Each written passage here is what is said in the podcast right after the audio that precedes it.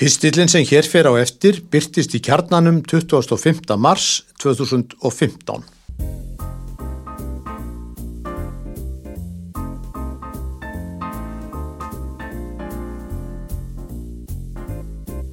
Matriðslubækur vinsælt lesefni hjá dönum. Fæstir elda upp úr þeim. Það er alkunna að danir eru miklir áhuga menn um mat, borða mikið, tala mikið um mat, eigða miklum tíma í að skoða mat í búðum og dreymir jafnvel mat. Þessi mikli matar áhugi hefur líka sett mark sitt á þjóðina. Markir eru allt of þungir og þrátt fyrir hverja hotlustu herrferðina á fætur annari á undanförnum árum og fögur áramóta heit breytir það litlu, baðviktinn sínir það og sannar. Það kemur þess vegna ekki á óvart að þessi mikla matarþjóð skuli hafa áhuga fyrir að lesa um mat og skoða uppskriftir. Dönsku dagblöðun eru öll með sérstakar matarsýður, sum þeirra jafnvel með matseðil vikunar þar sem línurnar eru lagðar um hvað familjan Danmark geti haft á borðum og þurfi ekki að láta hendingu ráða hvað fer í pottana. Vikublöðin, Family Journal, Jemmet, Allt fór damenni og öll hinn byrta fjöldanallan af uppskriftum í hverju tölubladi.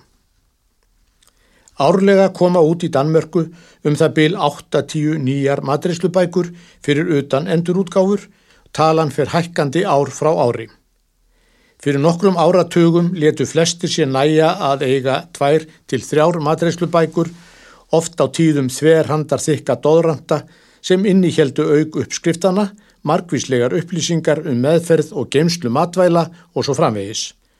Matur og drikkur fröken Helgu Sigurðardóttur er í þessum anda. Þekktust danskra matreislubóka er líklega fröken Jensens Kóebó. Hún kom fyrst út árið 1901 og hefur verið endurútgefin að mistakosti 30 sinnum og selst í hundruðum þúsunda eintaka og selst ennþann dag í dag jamt og þjett. Þessi metsölu bók á fátt sameginlegt með hinnum nýtískulegu matrislubókum nútímans þar sem mikil áhersla er lögð á ljósmyndir til skýringar og vandaðan glanspapír. Í þessum bókum er líka ráefnið mun fjölbreyttara en hjá fröken Jensen enda tímarnir breyttir. Lesendur fá vatni í munnin við það eitt að skoða myndirnar og uppskriftirnar og hugsa með sér þetta prófa ég næst. En Þetta næst kemur bara aldrei eða mjög sjaldan.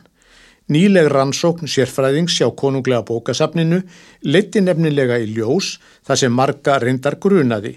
Fólk kaupir nýju bækurnar og skoðar þær sér til skemmturar en notar þær svo aldrei.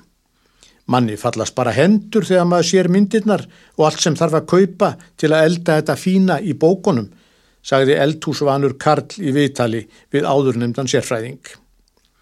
Niðurstaða rannsóknarinnar var svo að Danir hafi mjög gaman af að lesa um allt þetta nýja í matargerðinni og skoða myndirnar en þegar kemur að sjálfur í matreiðslunni þá er það metistirpilsa, stektur auðspretta og síld, hakkeböff eða svínakótulettur sem enda á diskinum með kartöblum og rauðkáli.